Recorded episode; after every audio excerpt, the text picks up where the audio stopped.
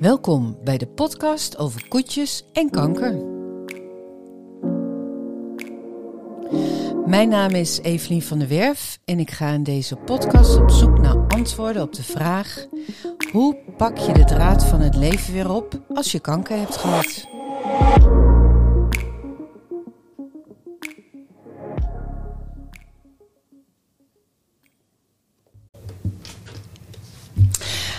Vandaag zit ik uh, weer aan tafel, moet ik uh, zeggen, met Marcia de Groot. Ik noem haar de positieve gezondheidsdiva. Wauw, hé, dat klinkt leuk. Dankjewel. En waarom? Um, ik vind dat heel veel dingen uh, vrij theoretisch zijn. Mm -hmm. En toen hebben we bedacht om eens een soort van praktijkvoorbeeld te gaan doen. Want waar ik zelf op een gegeven moment heel erg mee geworsteld heb, is toen ik uit het ziekenhuis liep, dolblij uiteraard. Die euforie was, nou, ik denk na twee weken over, want ik had echt zoiets van, uh, ja, en nu? Ik had vage klachten, ik was down, ik schaamde me. Um, ik was boos, ik was verdrietig, terwijl ik weer uh, leefde. Hè? Ja. Ik had het overleefd. De dokter had ongetwijfeld gezegd van nou mevrouw, u mag weer door met uw leven. Precies. Het boek kan dicht, maar ja. het boek kan nog lang niet dicht. Nee. Nee, want wat jij nu zegt, horen wij echt zoveel, dat daar word je niet op voorbereid. Nee. Uh, Even voor alle duidelijkheid, Marcia is coördinator bij een, uh, het Adema Centrum voor Leven met en na kanker in ja. Nieuw-Vennep. Um, waar jij inderdaad uh, dagelijks uh, te maken hebt met alle praktijkgevallen. Uh, ja, zeker. Um, kan je sowieso eens beginnen met te benoemen wat normaal is, waar, met, laten we het hebben ook over vrouwen, denk mm -hmm. ik. Ja? Waar ja. vrouwen last van hebben als kanker hebben gehad. Ja, voor iedereen is het natuurlijk is het anders. Maar er zijn wel heel veel raakvlakken. want heel veel vrouwen voelen zich niet meer aantrekkelijk bijvoorbeeld hun haar eraf is geweest en een, een of twee borsten eraf. Daarnaast hebben ze last van neuropathie, uh, vervroegde overgang. Dus eigenlijk allemaal dingen waar je niet op voorbereid bent als je dat traject ingaat. Kijk, en dingen die te zien zijn, zoals een borsten af en littekens en uh, haar eraf, dat is allemaal heel duidelijk. Maar het zijn juist ook mentale dingen. Ja, zeker. En ook het de vermoeidheid hè? en ja. de schaamte. En het mentale stuk van uh, bijvoorbeeld uh, een aantal vrouwen zijn worden afgekeurd. Het woord alleen al, van je bent afgekeurd. Ja. Tel je dan niet meer mee. Uh, dus je wereld staat juist daarna op zijn kop. Terwijl iedereen zegt, oh wat zie je er goed uit. En wat zit je haar leuk. Tenminste die opmerking krijgen we vaak van, oh je bent prachtig. En, en ben je alweer aan het werk? En die vrouwen voelen zich eigenlijk een soort machteloos en totaal niet begrepen door hun omgeving. Mm -hmm. En dan komen ze bij ons. En na een intakegesprek gaan we dan een positieve gezondheidsgesprek doen, zoals wij dat noemen. Om aan de hand van een aantal pijlers te kijken van waar sta je nu op dit moment? En wat of wie heb je nodig om een stapje te maken? Uh, even kort, wat is precies uh, positieve gezondheid? Ja, positieve gezondheid wordt eigenlijk niet gekeken naar de ziekte, maar wordt eigenlijk gekeken naar jou als persoon. En wat jouw kwaliteit van leven geeft, wat je leven zin geeft. Waarom je je bed uitkomt, waar je gelukkig van wordt. En om te kijken naar de mogelijkheden in plaats van uh, wat je allemaal niet meer kan. Mooi, hè? Ja, heel mooi. Het is een, hele prachtige tool die jaren geleden op ons pad is gekomen. Via de IPH en Machteld Huber. En wij hadden zoiets... Wij doen het al bij de centra. Uh, maar deze tool geeft ons echt handen en voeten. En de gast heel makkelijk inzicht van... Ja, dat waar sta ik nu? De hulpvraag weten ze vaak niet. Nee. Je zegt net zelf ook van, uh, ja, dan sta je daar en je weet eigenlijk helemaal niet hoe of wat. Je weet niet waar je moet beginnen. Je weet niet waar je moet beginnen en je begrijpt ook niet uh, wat dat met het, uh, het... Het zijn eigenlijk de gevolgen van een kankertraject. Ja. Uh, je, je, het lijkt net alsof je beter bent, maar je, zit, je ligt onderuit, want je bent uh, doodvermoeid door alles. Maar ook mentaal, met name het mentale stuk. Hè? Ja, vooral dat mentale stuk hoor ja. ook. Ja.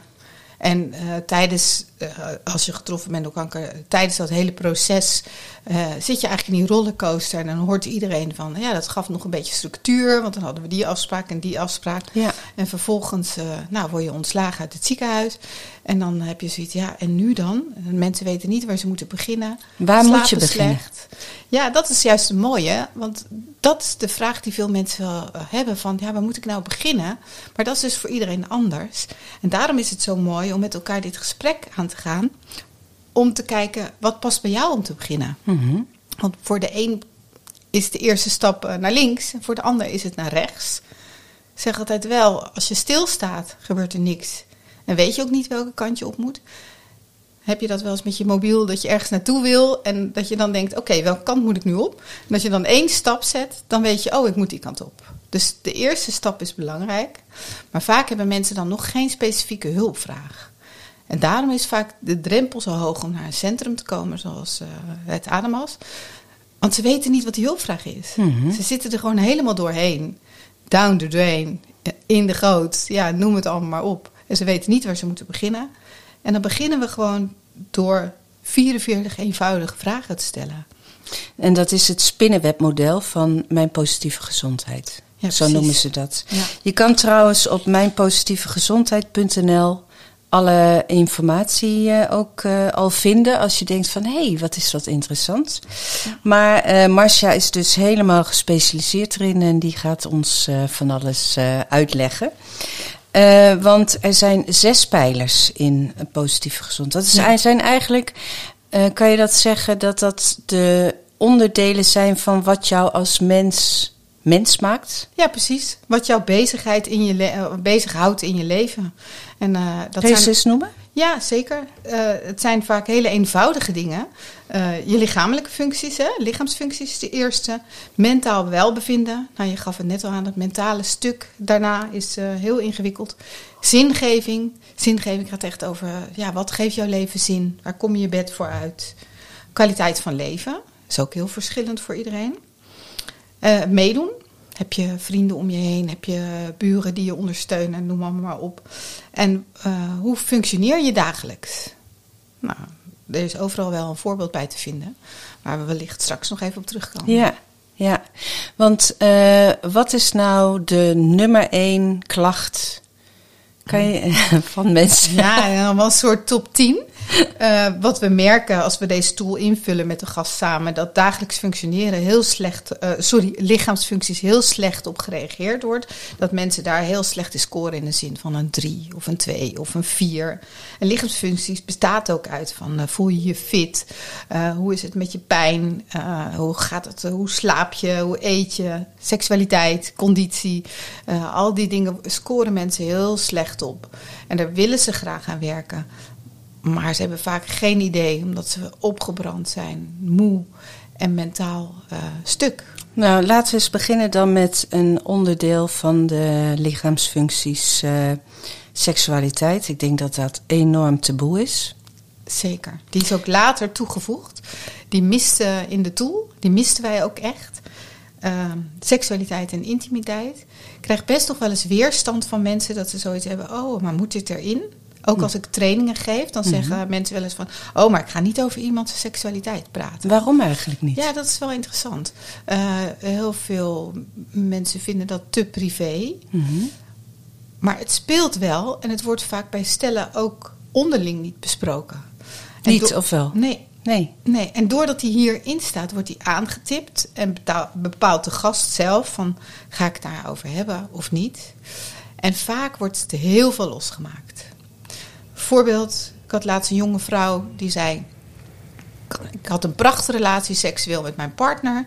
Eh, een jonge man, eh, twee jonge kinderen. En ze zei, normaal zat hij gewoon aan mijn borsten. En dan genoten we ervan. En, en nu heb ik borstkanker gekregen, zegt ze. Nu is één borst eraf. En eh, nou, ik was weer genezen en mijn haar groeit weer een beetje. En we liggen voor het eerst weer in bed. En ze zei, ik had eigenlijk wel zin om een keer weer te vrijen. En toen eh, zei hij, mag ik aan je borst zitten? En ze zei, toen voelde ik me echt zo niet vrouw. Hmm. En het, ja, het deed haar heel veel.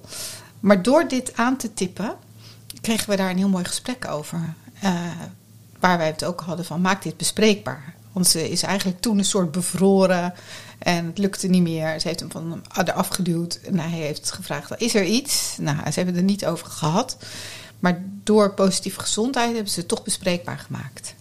Nou, dat vind ik al een hele mooie toevoeging. Dat je dat kan bereiken bij iemand. Dus eigenlijk, ehm, wat je eigenlijk doet ehm, in, in dit gesprek, of in het gesprek wat je met iemand hebt, is ehm, kijken van waar heb je moeite mee. En dan ontstaat er vanzelf ook bij de gast van hé, hey, ja, ik heb daar inderdaad uh, moeite mee. Uh, en daar heb ik uh, hulp bij nodig. Ja, en van tevoren zei zij ook: ik was nooit naar binnen gestapt met mijn thema seksualiteit. Nee. Ik dacht, ik heb daar helemaal geen problemen mee. Maar nu we het zo bespreekbaar maken, en dat laat ik dan aan de gast. Want wij als vrijwilliger stellen dan de vraag van hoe is je seksualiteit? Geef een cijfer. Daarna gaan we het bespreken. En als zij daar niet over wil hebben, dan mag ze hem gewoon overslaan. Dus ja, ze hoeft er niet over te hebben. Nee, ja. Ja, want pas op het moment dat je ergens bewust van bent, kun je er ook wat mee. Ja. Ja, als je niet bewust bent van dingen, dan kun je ook niks. Nee, en het heeft ook iets opgelost bij hun. Hmm. Door het gesprek aan te gaan dat zij zich weer vrouw wil voelen. En dat ze zich nog steeds compleet voelt. Ondanks dat er één borst af is. Uh, daar heeft ze heel veel moeite mee gehad. En nog steeds. Maar ze maken het wel bespreekbaar. Zijn er ook andere oplossingen? Ik kan me ook voorstellen dat mensen zeggen: Oh nee, ik wil niet praten over seksualiteit. Ja, er zijn zeker andere oplossingen. Want we hebben bijvoorbeeld het Open Atelier, waar uh, ook wel eens hele mooie schilderijen worden gemaakt door mensen die helemaal niet willen praten, kunnen praten. En die dan een torso schilderen met één borst. Hm. En dan uh, zitten te huilen terwijl ze daar aan het schilderen zijn. En dat lost ook iets op in hun ogen. Ja, en in mijn ogen ook. Ja. ja, dat je de emoties uh, doorleeft. En ja, op het moment dat je ze doorleefd hebt, kun je ze misschien loslaten. Ja, ja, of soms via lotgenotengroep, dat een ander daarover heeft. Kan ja. het ook iets bij je losmaken? Ja. We horen 9 van de 10 keer uh, mensen zeggen die bij ons binnenkomen komen van lotgenotengroep. Nee hoor, dat is niks voor mij. Ik hoef echt never nooit met lotgenoten te praten. En dan heb je het er wel zo voorzichtig over van... nou, kijk eens wat het je brengt als je aansluit bij de vrouwengroep, bij ons bijvoorbeeld. Er ervaar het een keer. 9 van de 10 keer blijven ze dan hangen. Want vinden ze toch wel uh, geweldig. We hebben zelfs drie lotgenotengroepen, omdat het niet in één past. In één ochtend. Dus we hebben ook een middag en een avond. Uh, en daar worden thema's losgemaakt. En de een kan bijvoorbeeld zeggen, nou, die vrouw heb ik helemaal niks aan. Of dat, die, eh, die praat zo negatief. Dat kan je best ervaren. Maar toch leer je er wat van. Ja. Maar toch voel je die verbondenheid van, oh, heb jij dat ook? Zelfs als dat iemand op vakantie is geweest waar jij geweest bent, dat je dan een soort, oh ben je er ook geweest en heb je dat gezien? Dat schept een band wat je van tevoren niet verwacht. Ja, ja dat kan me voorstellen, ja. Dus iedereen waarvan de drempel lotgenotengroep hoog is, gaat eens onderzoeken. Ja, en wie weet brengt het je ook echt iets. Nou ja, en inderdaad vind je het niks, dan uh, kan je altijd zeggen halverwege van joh uh, even goede vrienden, maar dit is niks voor mij. Ja, precies. Of je kan uh, de volgende keer iets anders uh, doen. Ja. Hè, want jullie hebben veel ja. meer, ook ja, één op één. Ja. Hè, want positieve gezondheid is bij, in het Centrum voor Leven met en na kanker ook een één op één gesprek. Ja, bij veel centra wordt die zo ingezet. Bij ons doen we eerst een intake, dat iemand zijn verhaal echt kan doen. En dan doen we de positieve gezondheid test om te kijken dan uh, waar de behoefte ligt. Ja. Nou, ik heb wel eens gezegd in het verleden, uh, als iemand binnenliep en die zei ik hou heel erg van schilderen, dan was je als vrijwilliger misschien geneigd om te zeggen, nou dan kan je naar het open atelier.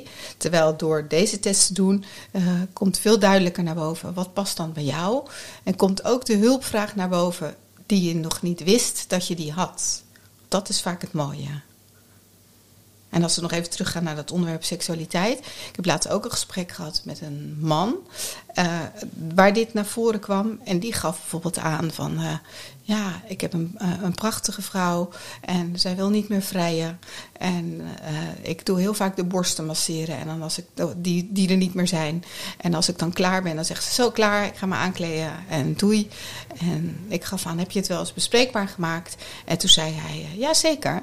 Ja, en hoe heb je dat dan gedaan? En toen zei hij, nou dan zeg ik, ja, jij wil niet meer vrijen. En wat is dat dan? Zo lekker wijzen. En toen vertelde vertelde hij later. En ik vind haar zo mooi. En, ik, en toen zei ik, en heb je het wel zo benoemd? Van hoe, hè, hoe mooi je haar vindt als vrouw. En toen ging hij huilen en zei hij, nee, eigenlijk niet. Ik heb Hmm. haar eigenlijk alleen maar veroordeeld dat ze niet wilde vrijen. Ja, ja. En eh, ik schoot ook vol toen. Ik vond het eigenlijk zo mooi hoe kwetsbaar die zich opstelde. En hij heeft daarna ook een heel mooi gesprek gehad thuis. Dus soms is er bijna niks voor nodig om iets in beweging te krijgen. ja, en het is zo ingewikkeld allemaal. Mhm. Als, je kan je ook niet voorstellen eh, hoe het is als je zelf dingen niet hebt ervaren. Ehm, je bent ook vaak bang om de ander te kwetsen.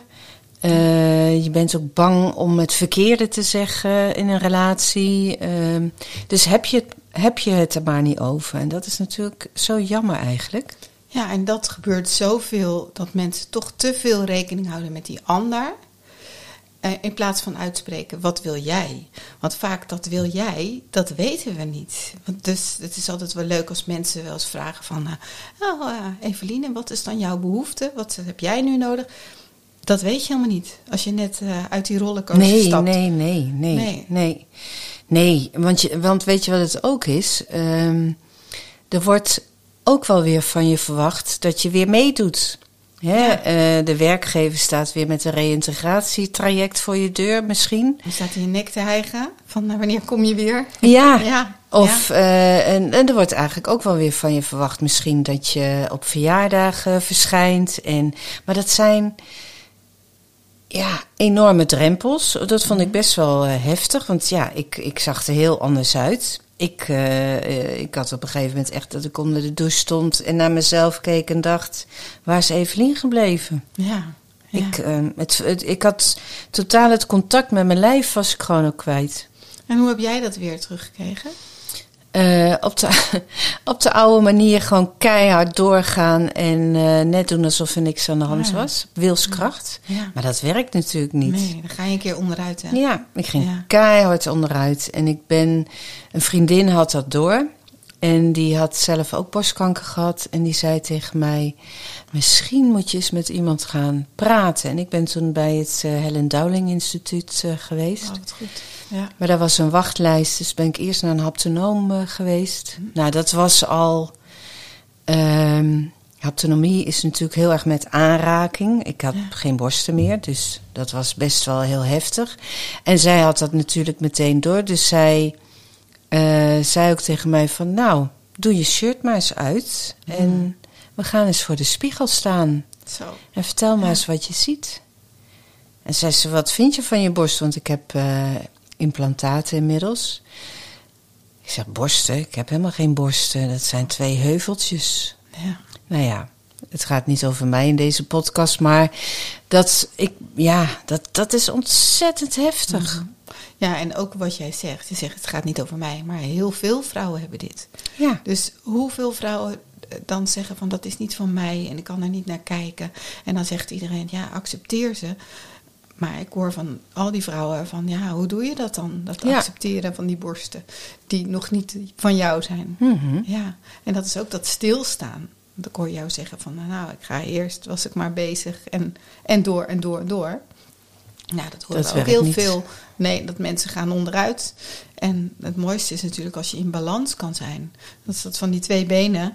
Want eh, als je rechterbeen je werkende, levende been en je uitgaand been is en je linkerbeen been, je rouwende been, om stil te staan en even bewust te zijn wat je is overkomen. Die twee mogen in een balans zijn. Maar hoe vaak dat niet gebeurt, en dat, ja, of je gaat de ene kant in de spagaat of de andere kant in de spagaat, maar je gaat een keer in de spagaat. Ja, weet je wat ik ook zo ingewikkeld vond? Ehm, in de periode dat ik ehm, aan het, met de chemo en zo, dat ik, ik wist dat ik eh, het waarschijnlijk wel zou overleven, zijn er ook een aantal vriendinnen en geliefden doodgegaan. Ja. Dus ik, eh, ik had ook het idee van, ik mag helemaal niet rouwen, want hoezo rouwen? Ik leef toch nog? Ja. Hoor je dat ook wel Ja, eens? dat hoor ik heel vaak. Ja, en ook zelf dezelfde situatie. Want er zijn nu helemaal steeds meer mensen die geraakt zijn door kanker. Of getroffen zijn door kanker. Eh, dus heel veel hebben ook een vriend of vriendin. En inderdaad, eh, gelukkig wordt 65% helemaal beter. Maar er gaan ook nog steeds mensen komen te overlijden. En als jij dan zelf het net allemaal gehad hebt en een van je dierbaren is overleden, dan denk je nou, ik moet me niet aanstellen. Precies. Maar zo werkt het natuurlijk niet. Nee. Nee. Nee. Want, ja, iedereen heeft zijn eigen pad en in zijn eigen rugzak. Maar ja, dan kijk, ik, ik, ik ben ook echt achteraf best wel boos geweest uh, op het ziekenhuis. Omdat als je het ziekenhuis inkomt, kreeg ik een map met. Uh, nou, hier moet je dit halen en dat. En afspraken, inderdaad, wat je in het begin ook zei. uh, ik wist precies wat ik kon verwachten. Ze moeten eigenlijk ook een soort van. Uh, terug in het leven map meegeven. Ja. He, van dit kan je ook nog. Dat is er helemaal niet. Nou, dat heb ik uiteindelijk zelf ook ja, bedacht. Zo'n to-do en to-da-lijstje, die Ja. ook, is ook belangrijk. Maar Ja. dat, dat, Ja. Nou ja, het wordt wel steeds meer. Maar in het ziekenhuis gaat het nog steeds over het medische stuk en een beetje het rationele stuk. En wat wij ook veel merken is als je aan iemand vraagt die er middenin zit, hoe is het met je? Dat ze hun proces gaan omschrijven. Van nou, ik ben nu hiermee bezig, Ja. chemo en eh, het hele proces. Maar dat zelden iemand vertelt hoe het nu echt gaat. Mhm. Dus vandaag had ik toevallig ook met een gast daarover bij Adamas. Van, eh, zij stuurde hele mooie eh, of uitgebreide appjes naar al haar vrienden en vriendinnen. Waar uitgebreid stond hoe de chemo was gegaan. En van A tot Z. Als iemand vroeg hoe gaat het nu? Maar niet hoe het nu echt met haar gaat. En dat merk je wel eens. Dat mensen aangeven van ja, ik voel me niet serieus genomen. Door mijn omgeving. Dat komt ook vaak omdat je niet laat zien waar je zit, Ja. of waar je staat, of waar je mee zit. Eh, zelfs een vrouw die een keer tegen mij zei van, eh, toen ik vroeg van eh, wanneer ben je echt jezelf, gaf ze aan. Nou, eigenlijk nooit. Ook niet bij mijn man. Want ik doe maar net alsof of het altijd goed gaat. Ja, je mag wel benoemen dan hoe het met jou gaat. Ja, maar, want dat herken ik ook, wat je Mhm. zegt. Ehm, ik denk dat je dat ook niet doet, omdat dan valt eh, je hele eh, zorgvuldig opgebouwde toren valt gewoon in elkaar. Als je gaat toegeven dat je het zwaar hebt, Mhm. en, en als, hè, want jij bent degene die het allemaal vol moet houden. Als jij het niet meer volhoudt, Hoe doet de rest dat dan? Precies. En je wil ook vaak anderen daar niet mee belasten. Dat is ook iets, eh, nou ja, Nederlands. Ik denk dat het eh, overal op de wereld wel voorkomt. Maar het is ook echt wel typisch Nederlands. Van dat we alles zelf doen. Dat we heel slecht om hulp kunnen vragen. En Ja. eh, dat we over onze grenzen gaan. Die zitten ook allemaal verborgen in deze tool. Hè? Dus die komen allemaal aan bod. Dat is echt fantastisch, want we hebben nu de lichaamsfuncties eh, gehad. En eh, de volgende is dan eh, mentaal eh, welbevinden. Ja, ja. Ja, die gaat vooral over, ook wel waar we het net al even over hadden, over dat communiceren en dat onthouden. Nou, wat ik 9 van de 10 keer hoor, dat mensen zeggen van, nou, ik kan echt niet meer onthouden. Ik kan nog geen verjaardag onthouden. Of als ik naar het dorp ga voor drie boodschappen, dan ben ik er twee vergeten als ik in de supermarkt sta. Eh, en dan hebben we daar ook een gesprek over van wat zou je daarbij kunnen helpen? Of wie zou je kunnen helpen? Dus we gaan niet kijken waarom het gebeurt, maar we gaan echt. En ook niet kijken hoe, hoe ga ik daarmee om? Maar echt, wat zou jou kunnen helpen als jouw brein je even in de steek Wat, laat? een- heb je een voorbeeld? Nou, als voorbeeld, eh, we hebben allemaal een mobiele telefoon. Als jij van tevoren denkt van nou, ik ga straks die boodschappen vergeten, maak een boodschappenlijstje. Of maak het jezelf makkelijk, een bestel online. Eh, als je een verjaardag vergeet, eh, zet een alarm. Er zijn zoveel trucjes. En dat zijn dan ook digitale trucjes die jou kunnen helpen met dat stukje. In plaats van jezelf steeds afkeuren. Van, oh zie je wel, dan heb kan ik ook al niet meer een verjaardag onthouden. Of eh, mensen die weer gaan werken, die zeggen, nou, ik trek het gewoon niet meer op mijn, op mijn werk. Want er is zoveel informatie. Mijn brein kan het niet aan. Ik leg ook wel eens uit van, eh, dat we een hele mooie harde schijf in ons hoofd hebben. Maar dat hij wel heel veel stof heeft gekregen om te verwerken. En dat die ook wel eens vastloopt. Geef ik als, als voorbeeld. Heb je wel eens een computer gehad die vastloopt? Wat gebeurt er dan mee? Ja, dan gaat hij eh, heel langzaam. Of eh, hij loopt Ja. echt vast. Hij stijgt bijna op. En hoe kan je hem dan weer resetten? Dus ook onderzoeken van wat kan jou daarbij helpen? Of wie? Misschien wel je partner die kan helpen. Eh, misschien wel een, een, een planner in huis ophangen. Dus heel creatief kijken wat bij jou past. En dan gaan we samen aan de slag. Van welke tool past dan bij jou? Nou ja, weet je wat, het ook, wat ook lastig is? Uh, met, zeker ook met dat onthouden. Er werd, ik werd ook wel eens uitgelachen uh, door mijn omgeving van... Ik ben een creatieve chaot, maar dat werd gewoon honderd keer erger. Van, oh god, heb je haar weer. Zij vergeet het weer. Ik, ik, uh, ik liet mijn tas ergens staan. Of, of dat kwam niet omdat ik een creatieve chaot was. Maar omdat mijn hoofd het gewoon allemaal niet bij kon benen met wat ik weer moest. Ook Ja. van mezelf. Dus die lat legde je ook vrij hoog? Die, ja, die legde ik vrij hoog. Ja.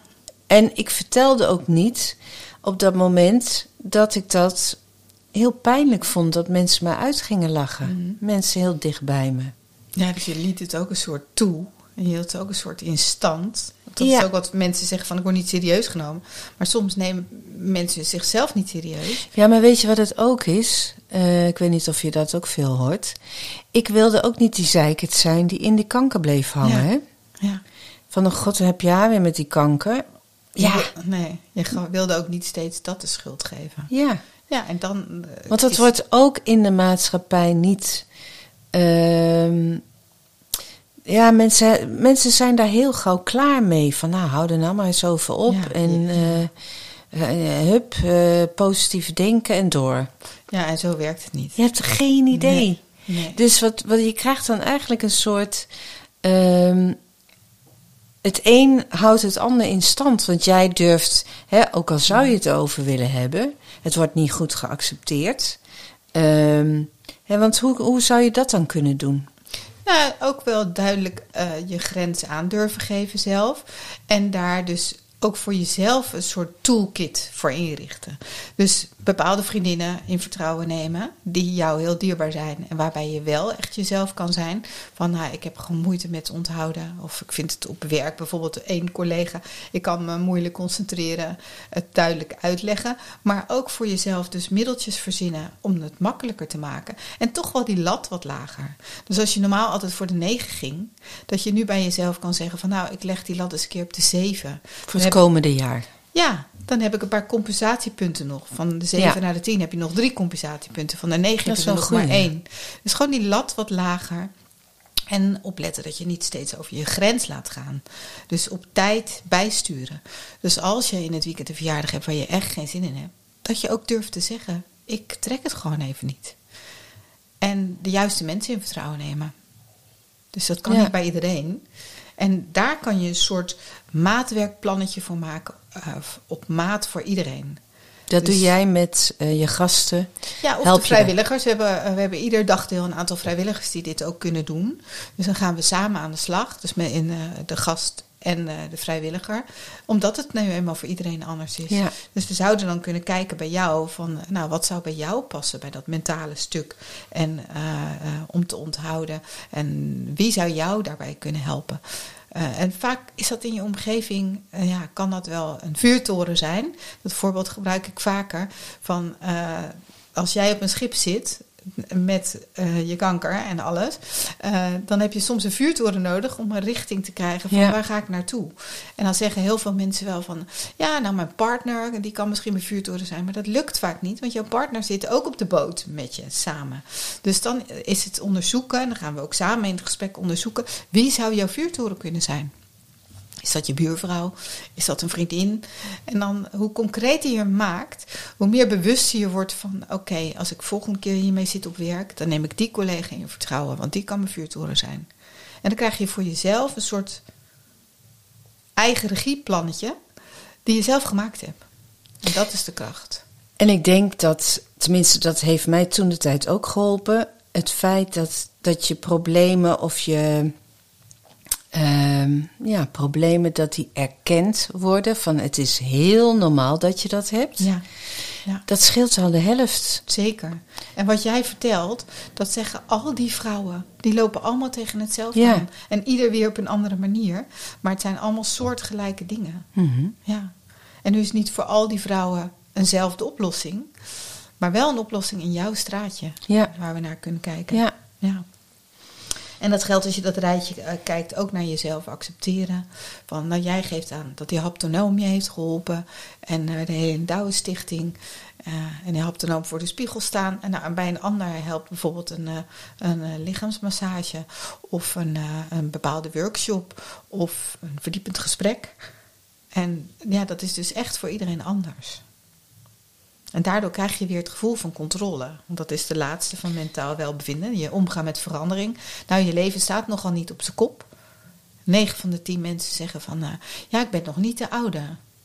zeg ik altijd, nou, ik heb nieuws voor je. Je die wordt je ook niet. nee. Je wordt de nieuwe. Ja. Maar dan is het wel essentieel dat die nieuwe zichzelf kan zijn. En wat heb jij nodig als Evelien? Of wie heb je nodig om jezelf te kunnen zijn?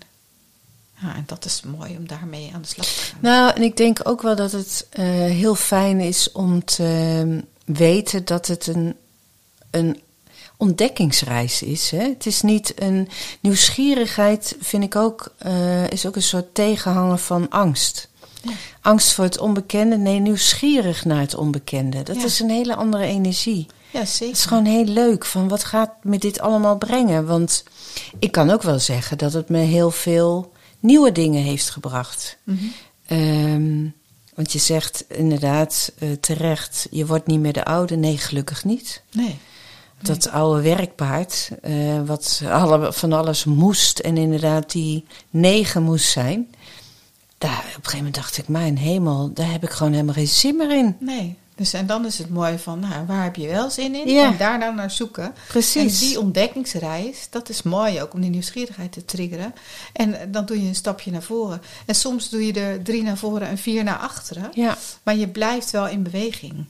Ja. Heel veel vrouwen, ja mannen ook hè, maar we nemen nu even het stukje vrouwen mee. Maar heel veel vrouwen komen ook bij ons daarna van, ik vind mijn werk gewoon niet meer leuk. Ja. Ik vind het echt niet meer leuk. Ik ben gewoon zo anders geworden. Ja. En hoe ga ik dat dan doen? En dan, dan zeg ik ook van, ja, hoe is veel te groot.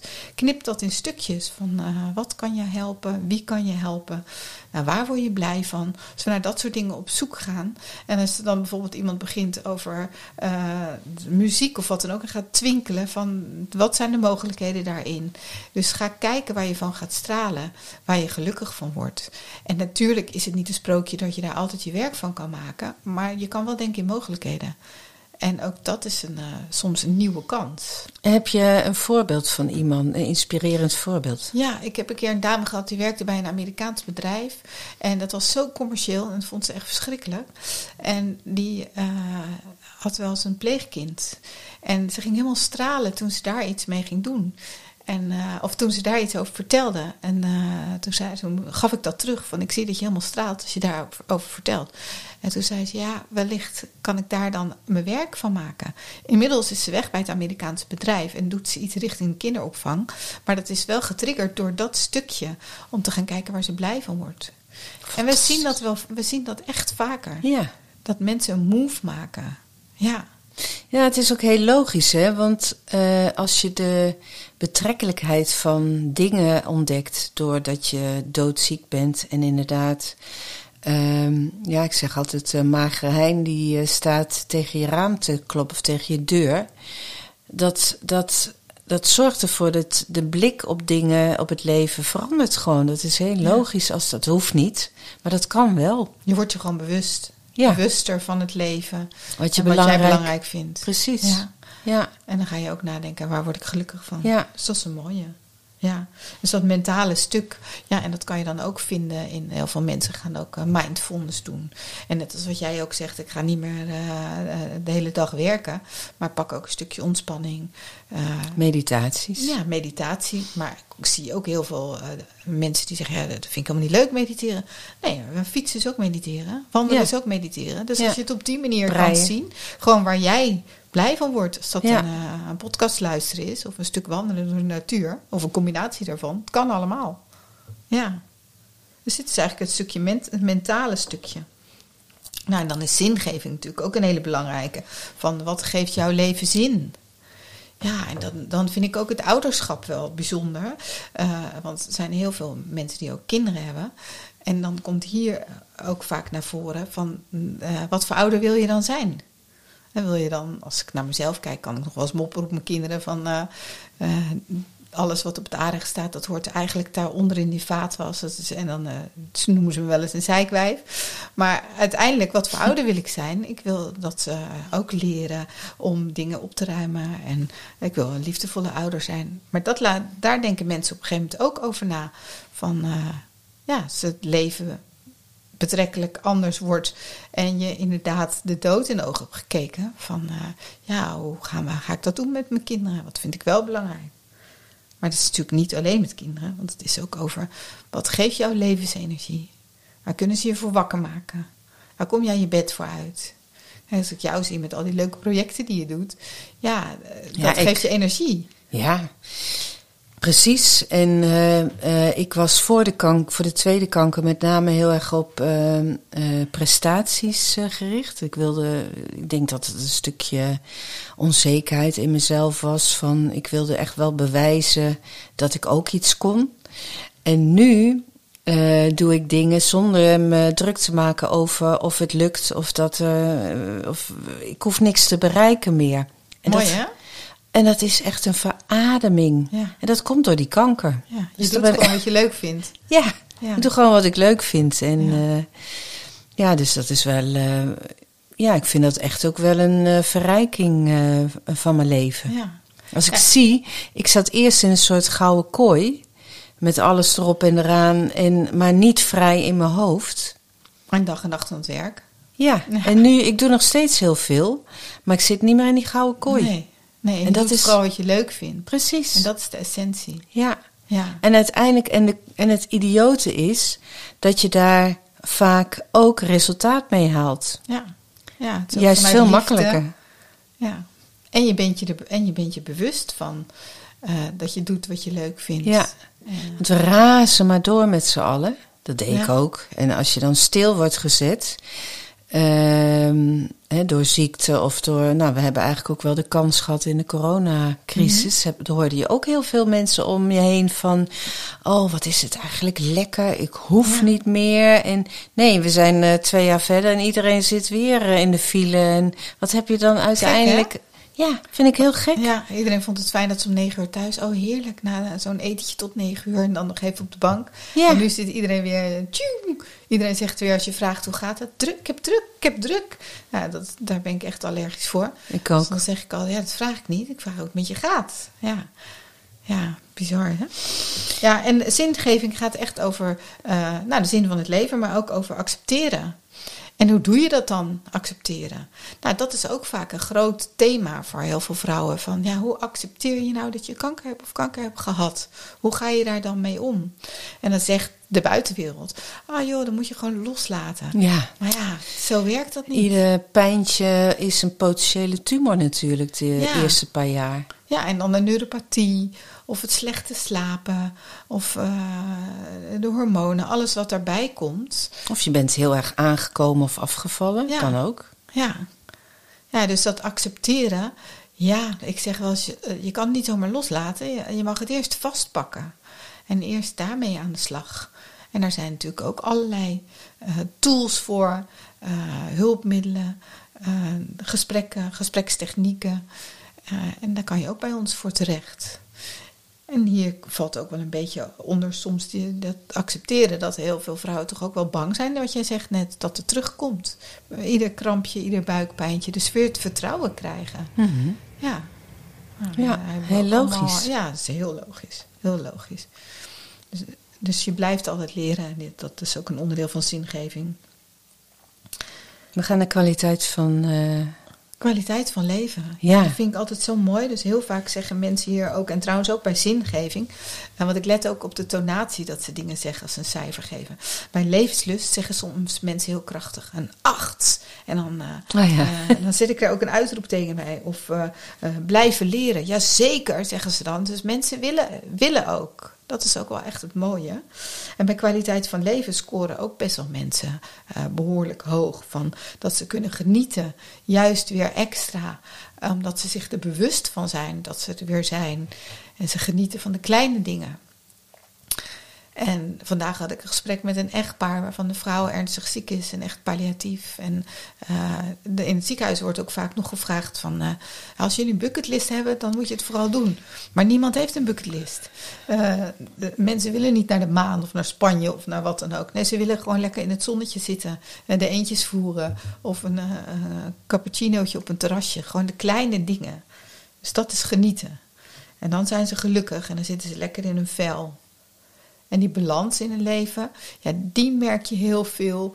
Dat uh, vooral waar jij ook net mee begon, dat die, die, die rush weer van uh, uh, na het hele, het hele getroffen door kankerverhaal, daarna dat je weer bijna weer op die rijdende trein wil springen. En dat zien we ook veel, dat vrouwen best wel te snel weer aan het werk gaan. Ja. Want die werkgever die zegt, ah joh, je kan toch wel vijf uur of zes uur of zeven uur per dag.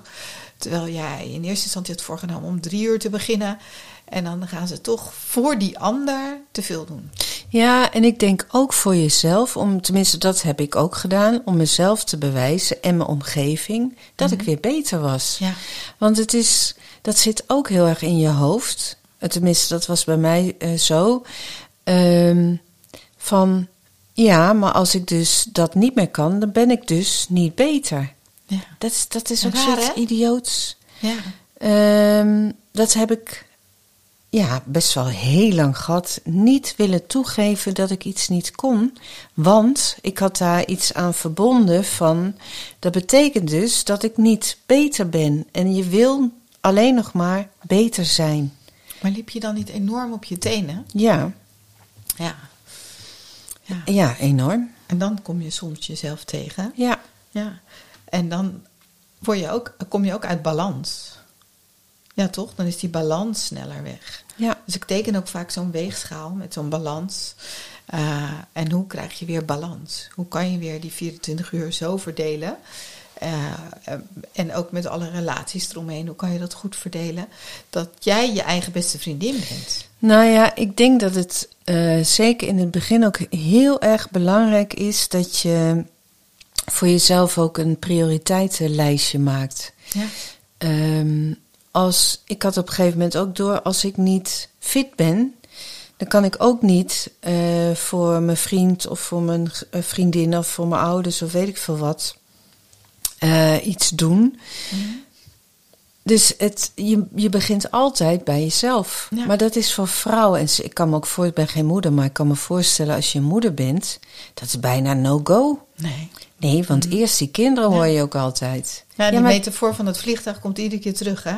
Ja. Van als er wat gebeurt in het vliegtuig en je bent met kleine kinderen, bij wie moet als eerste het zuurstofmasker op? Nou, jij als uh, stewardess weet het als geen ander. Ja. Eerst bij jezelf en dan pas bij die kinderen. Ja, anders ben je dood. Ja, binnen een paar seconden. Iedereen uh, gaat eerst de kinderen redden ja. in het echte leven en dan pas zichzelf. En Overigens zien we dat bij iedereen. Hè?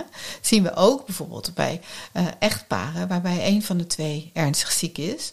En die andere, die naaste, want die komen ook bij ons in het centrum, dan wel eens zeggen van ja, maar ik moet wel goed voor mijn man zorgen. En ik kom zelf op de derde, vierde, vijfde plaats. Eerst de kinderen, mijn man en de kinderen. En, uh, en als ik dan wel eens vraag, en wat zou je dan het liefst willen doen? Wat, wat, ja, ik zou het liefst een avondje willen stappen met mijn vriendinnen. Maar dat doe ik echt niet. Dan voel ik me te schuldig. Ja, ja. Terwijl als je dat nodig hebt om je batterij op te laden, doe dat vooral. Ja. Maar er wordt dus te weinig. Maar het is wel heel lekker dat jij dan toestemming als het ware geeft. Hè? Daar ben je ja. eigenlijk ook heel uh, behulpzaam in. Ik vind dat, ik heb dat heel kinderachtig ook wel eens met een vriendin. Uh, dan weet ik eigenlijk zelf wel wat goed voor me is. Maar dan is het heel lekker dat zij een soort van toezegt. Van nou, Eve, ja. doe het maar. Dat is goed voor je. Oh ja, ja, ja, ja. Ja, ja maar zo, zo werkt het ja, wel. zo werkt het gewoon. Ik teken nog steeds vaak een batterij. Want wij zijn ook een batterij die leeg loopt. We weten allemaal waar die op leeg loopt. Hè? Dat als je uh, uh, te veel gedaan hebt op een dag, dan loopt die leeg. Of als je dingen hebt gedaan waar je niet blij van wordt, loopt die ook leeg. Uh, dus dat vraag ik dan vaak aan gasten, waar loop jij op leeg? En dan doen we daar een paar voorbeelden van. En dan, waar wordt jouw batterij door gevuld? Nou, dan krijg je echt zo'n rijtje van uh, wandelen in de natuur, met vriendinnen afspreken en allemaal dat soort dingen. En wanneer doe je dat? Nou, deze maand niet. Want het was te druk met de kinderen op school. Of ik moest te veel naar werk. En eh, ja, het strand. Ja, ik wil wel vlak het strand, maar ik ben al drie maanden niet geweest. Ja, en, en dan mensen een beetje bewust, of eigenlijk gewoon bewust maken van hoe serieus neem je dan jezelf? Ja, zo zeg ik dat niet hoor. Maar eh, daar, dat gevoel heb ik dan wel. Van, Ja, eh, het is zo logisch. ja. Maar dat is het ook, hè. Je zit in de waan van de dag. En je hebt, eh, de meesten hebben to-do-lijsten. En dan moet ik nog even dit en nog even dat en nog zus. En zo, Ja. voor je het weet is eh, zes uur zit je weer aan tafel. Het mooiste zou zijn als we een to-do-lijst hebben waarbij je zelf bovenaan staat. Ja, Van even me-time. Al is het even, nu met het mooie weer, dat je even in de tuin met een boekje gaat zitten als je daar blij van wordt. ja. Van dat je een soort. Het blokt. Nou ja, ik vond het ook hè, in de periode dat ik zo ziek was. En, en dat ik, dan ga je ook realiseren, waar, waar ben ik eigenlijk al die tijd dan zo druk mee geweest? Ja. En dat doe ik dus, dat valt nu allemaal weg. Hoe belangrijk is dat dan? ja. Ik, hè? Ik werd het meest blij van eh, kaarten die. Ik was echt, mijn, mijn postbode was mijn allergrootste. Daar keek ik het meest naar uit. Want dan was. zie je dat dat ook heel fijn werkt. Hè? Als mensen een kaartje sturen, gewoon met een mooie quote of een leuke boodschap. met iets geks. Ik heb ook echt aan mijn vriendin, wat kunnen we doen? Schrijf gekke dingen waar ik om moet lachen. Want Ja. het is allemaal wel zwaar. Je hoeft niet te zeggen dat het zwaar is, dat weet ik wel. Ja. Dat horen wij ook heel veel van mensen, dat ze zeggen, we horen geen leuke verhalen meer. Ja. Zoals je dan ziek bent en een vriendin is op vakantie geweest. Ja. Die durft dan niet te vertellen dat ze op vakantie is geweest, want jij kan niet op vakantie. Dus ze horen geen leuke verhalen meer. Ja. Dus dan, dan heb ik ook wel zoiets van, hoe jammer is dat eigenlijk, hè? Ja, maar dat is, dat is eigenlijk ook wel logisch. Want je voelt je daar dan als vriendin misschien ook schuldig om. Ja, maar door dat uit te spreken naar elkaar, Ja. dus dat is ook belangrijk voor degene die kanker heeft, dat diegene durft uit te spreken van, Joh. Voed mij, Ja. vertel leuke. Gekke, gekkigheid. Je moet me Ja. aan het lachen eh, maken. Ja, Ja, precies. en geef ook aan wat jij wil. Dus als jij uit eten gaat en je wilt het er niet over hebben, geef aan, ik wil het er niet over hebben. Wil je er wel over hebben, geef het ook aan. Wil je er vijf minuten over hebben en dan gezellig eh, met elkaar, ook goed. Ja. Maar geef je grens aan. En wacht niet tot die vriendinnen vragen, hoe is het met je? Of wacht niet dat je denkt aan het eind, aan het eind van de avond, oh, hebben we weer de hele avond alleen over mijn kanker gehad. Dus of geef ze aan hebben wat het niet wil. gevraagd. Ja. Ja. Ja. maar als ze het niet hebben gevraagd, dan geef ik wel eens terug aan vrouwen van... eh, Oké, en wat had je graag gewild? En dan, eh, dan geef je vrouw aan, ja, ik had eigenlijk wel graag gewild dat ze het bespreekbaar hadden gemaakt. Oké, en op wat voor manier dan? Nou, dan krijg je zoiets van, nou, misschien eerst even over muziek een kwartiertje... en dan gewoon leuk over hun gezin en hun vakanties. Dat was fijn geweest. Ik zeg, oké, en hoe had je het voor elkaar kunnen krijgen? Want als je het alleen maar denkt... en die vriendinnen denken misschien, oh, we gaan het nergens over hebben... Dus dan vul je hem zo in voor elkaar. Terwijl als jij achter het stuur wil zitten van je eigen auto, dan, en, eh, of je wil de, de regisseur zijn van je eigen toneelstuk, pak hem zelf en geef aan wat je wil. Want dan word je ook serieus genomen. Ja, waar zijn wij dan met z'n allen zo bang voor? Waarom doen we dat niet? Ja, dat is een goeie. Ja, eh, nou, vandaag eh, eh, had ik gesprek met een echtpaar en vroeg ik toevallig van waar, waar ben je dan bang voor als je je uitspreekt? Ja, zeiden ze, ja, eigenlijk kan er niks misgaan. We zijn bang voor dat iemand er wat voor vindt misschien, maar ik denk dat niemand daar wat van vindt. Ja, maar ook al vinden ze er wel wat van. Ja, ook En dat. dan? Ja, ja. Ze vinden toch wel iets. Wij mensen vinden altijd iets van elkaar. Ja. Ook al zeg je niks, of doe je niks geks, of doe je wel iets geks. Maar aan de andere kant, als iemand open tegen jou zou zeggen van... eh, nou, Evelien, eh, ik heb vanavond geen zin om daar of daar over te hebben. Dat is toch ook mooi? En dat is toch ook vriendschap en respectvol? Ja, Ik zou alleen maar denken van... oh, wat fijn dat je dat aangeeft. Precies. Ja, En eigenlijk haal je dan ook de olifant uit de kamer. ja. Want misschien denk jij wel van... oh jee, eh, moet ik nu om vragen? Of moet ik het straks doen? Of eh, gaan we eerst wat eten? Dus laten we met z'n allen gewoon uitspreken wat wij willen. En niet invullen voor een ander. Wat wil jij? En maak dat bespreekbaar. Wat wil ik? Maak dat bespreekbaar. Nou, ik denk dat daar heel veel eh, relatieproblemen mee eh, voorkomen kunnen worden ook. Hè? Met Ja. name dat, eh, ik heb dat zelf ook wel meegemaakt. Dat, dat de ander hele andere veronderstellingen deed dan wat er aan de hand was. Ja. Maar inderdaad, op het moment dat je. Maar je moet je ook kwetsbaar durven opstellen. Mhm. Van, eh, ik heb op een gegeven moment ook tegen mijn vriend gezegd van. kan het niet meer in mijn eentje. Nou, hij, stoel, hij, hij sloeg stijl achterover. Hij dacht, Huh? jij? Jij kan toch altijd alles Ja. alleen? Jij doet altijd alles alleen en je doet het altijd zelf. Ja, maar dat is ook een valkuil, hè? Want Ja. ik hoor heel vaak ook dat vrouwen terugkrijgen... ja, de hele wereld, zeg maar... jij bent altijd zo'n sterke Ja. vrouw. Jij kan dit wel. En dan, dan geef ik ook aan... maar moet je altijd een sterke vrouw zijn? Of mag je ook af en toe lekker huilen? En laten we dat vooral ook blijven doen, dat huilen. Want 9 van de 10 vrouwen zeggen ook altijd... ja, sorry hoor, dat ik ga huilen. En sorry, nou, zeg nooit sorry als je gaat huilen. Want je bent iedere traan waard. En die tranen, die hebben je vaak wat te vertellen. Dus laat ze lekker. Mhm. Ja. Ja. Maar hoe vaak mensen daarvoor excuseren? Ja. Ja, maar ik denk ook wel dat het, het is ook wel iets in de maatschappij, hè, van je moet sterk zijn en je moet het ook, en als je niet sterk bent, moet je het beter maken en eh, eh, eh, ja, zwakte, of hè, mensen zien dat vaak als zwakte. Ik, ik moet eerlijk zeggen dat ik zo zelf ook wel was. Ik denk daar nu wel heel anders over. Ik vind kwetsbaarheid juist iets heel moois. Ja, iets heel puurs. En bovendien, eh, wat, wat ik ook heb gemerkt, is dat we, zijn- we klungelen allemaal maar een beetje aan. Niemand weet eigenlijk precies waar die mee bezig is, toch? Nee. En- Maar als we het benoemen, als we het durven te benoemen, dus jezelf kwetsbaar op durft te Ja. stellen, dan Maak je contact ja, met Dan elkaar. maak je, maakt die ander zich ook vaak eh Precies. kwetsbaarder op. Zeg gewoon van god, ja. ik doe ook maar wat. Ik weet het eigenlijk ook allemaal niet. Ja. Wij merken dat we als we voorlichting geven op middelbare scholen, dan eh, durft bijna niemand te zeggen dat hij ook eh, te maken heeft met kanker door iemand in de familie of een ouder of een broer of zus. En dan laten we het filmpje zien van die de chillers bij ons gemaakt hebben en die stellen zich heel kwetsbaar op. En als we dat laten zien, durven zij dat ook. Ja. En dan zie je iedereen eigenlijk de vinger opsteken. En als één iemand dan durft te delen, durven ze allemaal te delen. Ja. En dan zie je ook zo'n verbinding ontstaan in de klas. Prachtig. Dat wij wel eens denken, oh, hoe mooi is dat? Ja. Dat zou gewoon standaard in het lespakket mogen. Ja. Ja, Nou, leren, inderdaad, leren om eh, gewoon een klungel te zijn. ja. Hè, ja durf, om te durven zeggen van, ik weet het ook niet. ja. Ook als je niet weet wat je moet zeggen. Ik weet gewoon niet wat ik moet zeggen. ja, ik weet niet precies. hoe ik moet reageren. Maar ga niet stoer doen. En eh Nee. was ik ook heel goed in hoor. Maar dat heb ik allemaal afgeleerd. En het is bevrijdend. Ja, ja. Je hoeft helemaal niet stoer te doen. En als een ander daar wat van vindt, dan zegt dat meer iets over de ander dan over jou, toch? Ja. We hebben ook wel eens met een groep jonge vrouwen die- dan eh, kanker hadden gehad, eh, een top 10 gemaakt van de meeste ergernissen. Nou, Oh. daar stond onder andere in, eh, wat zie je er goed uit? Leuk dat korte haar. Dat ze zeiden, joh, ga lekker zelf naar de kapper.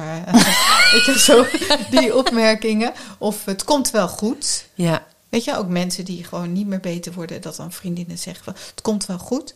Of die, eh, wat, heel, wat mensen over het algemeen heel irritant vinden. Nou, ik heb een vriendin, weet je wat die heeft gedaan? Dat is een goede manier. Dat Ja. zou je, nou, daar wordt ook iedereen helemaal kriebel van. Eh, en we hebben ook eh, met elkaar gekeken, wat kan je dan zeggen hè, als mensen met eh, ongevraagd advies komen of dingen waar je niks aan hebt. Van, weet je waar je naartoe moet gaan? Nou, die en die therapeut. Nou, dan kwamen we wel met elkaar, hebben we dan in de groep een beetje besproken tot de conclusie van dat je het beste dan ook kan, zoiets kan zeggen van, je helpt me hier niet mee. Je Ja, helpt, ja. Nee, je helpt me hier gewoon niet mee. Nee. Hou En- op. En, en durf ook te zeggen van, nou, ik ben helemaal niet blij zelf met mijn korte haar. Ik heb er niet voor gekozen, ik had nooit kort haar. Ja, en eh, mijn lange haar was mijn identiteit. Durf het ook wel eens te benoemen. En mensen die zeggen, het komt wel goed. eh, nou, dat je daar ook gewoon tegengas op durft te geven. Je hoeft niet alles maar te accepteren. Maar heel veel mensen zijn zich niet bewust wat voor opmerkingen ze soms maken. En Nee. ze zijn altijd goed bedoeld. Ja, dat zijn ook klungels. Ja. Die denken Ja. ook maar van mijn hemel, wat moet ik nou zeggen? En Maar zeg dat dan. ja, precies. Die is veel beter. Ja, Ja, Dat is- of mensen die altijd zielig doen. Ja, die hoorden we ook wel vaak als iemand dan boodschappen doet. Hè? Rationeel boodschappen, eten voor vanavond voor het hele gezin. En dan komt er weer iemand. Ach, hoe is het? En die gaat dan heel zielig praten. Ja. Dat je denkt, oh jee, dan gaat mijn boodschappenlijstje. Van, durf je dan te zeggen van... eh, nou, ik wil, heb nu even geen tijd en ruimte om erover te hebben. Als je me wil bellen, bel me morgen als je dat fijn vindt. Hè? Als je het een fijn iemand vindt. Maar mensen zijn zich niet bewust hoe dat, hoe dat wel eens heel negatief kan uitpakken. ja, ja, ja. Dus wat wij dan trachten in het gesprek mee te nemen, om dan die gast te empoweren. Van wat kan je zeggen om iemand veerkrachtiger te maken? Uh, zodat ze zich niet iedere keer zijn boodschap doen uit de lood laten slaan. Want hoeveel mensen niet naar een andere plaats gaan om boodschappen te doen? Nou ja, tegenwoordig kan je digitaal bestellen. Maar eigenlijk is het dat is zo niet dat- nodig. Dat is toch echt gek voor woorden. Maar het gebeurt heel veel. Ja, omdat ze bang zijn dat ze die personen weer tegenkomen. Ja, dat ze allemaal van die mensen tegenkomen. ja. ja. Ja, nou dit is kwaliteit van leven. Er- zit ook We nog, moeten wel een eh, beetje opschieten. want Ja, maar vaak zijn de eerste drie, vier zijn. eh, de Ja. laatste is altijd, gaan vliegen we altijd sneller doorheen. Maar kwaliteit van leven is ook hoe je woont en rond kan met je geld. En bij meedoen gaat over je sociale contacten, serieus genomen worden, samen leuke dingen doen, steun van anderen, hoor je erbij, kan je zinvolle dingen doen, heb je interesse in de maatschappij. Nou, die laatste interesse in de maatschappij hebben heel veel mensen op dat moment niet, omdat ze echt even aan het overleven zijn. Dus dat is logisch. Dan eh, boeit de politiek eh, of Den Haag even niet. En die de sociale contacten en serieus genomen worden, steun van anderen, horen we heel vaak terug dat mensen zeggen van, ik voel me niet serieus genomen. Maar als we dan door gaan vragen, dan is toch wel vaak dat ze zich niet echt laten zien. Hm. Dus als jij inderdaad zegt van, oh, maar ik kan het allemaal wel zelf. Want ik ben een sterke vrouw, bij wijze van, ja, dan is het eigenlijk vrij logisch dat je niet serieus Mhm. genomen wordt. Ja, ja, ja. Dus dat is eigenlijk, durf je kwetsbaar op te stellen. Durf je dat? Durf je, durf je te delen met sommige mensen die jouw vuurtoren kunnen zijn? Mhm. Durf jij daar te delen? Dat is eigenlijk meedoen. En bij dagelijks functioneren gaat het over: zorg je goed voor jezelf? Ken je je grenzen? Heb je kennis van gezondheid? Kun je omgaan met tijd? Omgaan met geld? Kun je wel werken en kun je hulp vragen? Nou, hier zien we heel vaak dat mensen best wel zeggen: Oh, hulp vragen? Oh ja hoor, dat kan ik wel. Dat is wel zeven. Maar als we dan erop doorgaan, blijkt dat ze gewoon nooit om hulp vragen. Nee. En dan, eh, Waarom niet? ja, dat is ook iets typisch van onze cultuur. In andere landen doen ze dat veel makkelijker. Ja, maar het is ook heel normaal dat een ander voor je zorgt. Ja, maar kan jij het? Nee, ja, nu wel, nu in. wel, nu wel. Ja, ja dus Heb dat ik echt is ook wat geleerd. je mag leren. ja. Ja, En dat is denk ik met alles. Je moet, het leven is eigenlijk één grote oefening. ja. Eh, je hoeft het niet te weten, maar ga het gewoon oefenen. Ik bedoel, je kan toch ook niet eh, op dag één fietsen of auto rijden? Nee. Dit is met dit ook. En daarom zeg ik bij hulpvragen wel eens van, nou oké, ik geef je huiswerk mee. Eh, ga nu eens kijken of je de komende weken één keer per dag om hulp kan vragen. Nou, dan gaan mensen helemaal stijgeren. Van nou, ja, ik weet echt niet hoe ik dat moet doen. Nou ja, het kan ook op een simpele manier. Dat je bij wijze van aan je partner vraagt, wil je een kopje thee voor me maken? Gewoon, ga er eens mee oefenen. Lukt het niet? Ga dan eens kijken, als je s'avonds in bed ligt, waar had ik nou hulp kunnen vragen? Mhm. Want eigenlijk word je dan bewust. Dan word je bewust op ja, dat je dat dus heel moeilijk vindt. En waar je dat dan wel kan doen. Ja. Dus het is, dat is een mooie. En bij kennis van gezondheid is het ook eentje van... Ja, het is ook heel belangrijk dat we goede, gezonde voeding eten. Eh, dat je daar iets van weet. Weet je daar niet van? Vraag het na. Vraag het aan je arts. Eh, dat merken we ook. Dat heel veel mensen specifieke vragen hebben... die ze dan bij ons stellen, maar niet aan de arts durven stellen. Maar wij zijn niet medisch, dus dan zeggen we ook vaak van... eh, heb je deze vraag aan je arts Nou, gesteld? een arts weet niks over voeding hoor. Nee, nee, maar niet, sorry, niet in het rijtje van voeding, maar gewoon in, het, in zijn algemeenheid. Ja, oké. Dat bijvoorbeeld mensen zeggen van, eh, ja, ik ben zo bang om dood te gaan, want ik ben bang dat ik met heel veel pijn dood ga. Hmm. En eh, zou daar iets aan gedaan kunnen worden? Zeg ik, maar heb je dit wel eens aan je arts gevraagd? Nee. Nou, ik zeg, wij zijn niet medisch, dus ik kan er geen antwoord op geven. En als je het uitspreekt aan je arts, dan kan die altijd uitleggen wat de mogelijkheden zijn als je bijvoorbeeld palliatief bent. En dan kan dat in ieder geval van je lijstje af. Ja, Ja. dus positieve gezondheid gaat eigenlijk om waar sta je nu? En dat dan geknipt in 44 vragen. En al die vragen gaan we dan door. Wat heb je nodig? Wie heb je nodig? En dan komt er eigenlijk een, ik zeg wel als huistuin, een keukenbehandelplannetje uit. Die je zelf hebt gemaakt. En die je kan bijstellen iedere dag. En die je bewust maakt. En ja, die je gewoon weer een soort op de rit krijgt. fantastisch. Ja. Dus kijk op www.mijnpositievegezondheid.nl.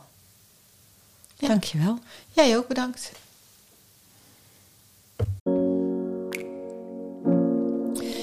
Heb jij nog tips of suggesties over onderwerpen of gasten? Laat het me weten via de mail.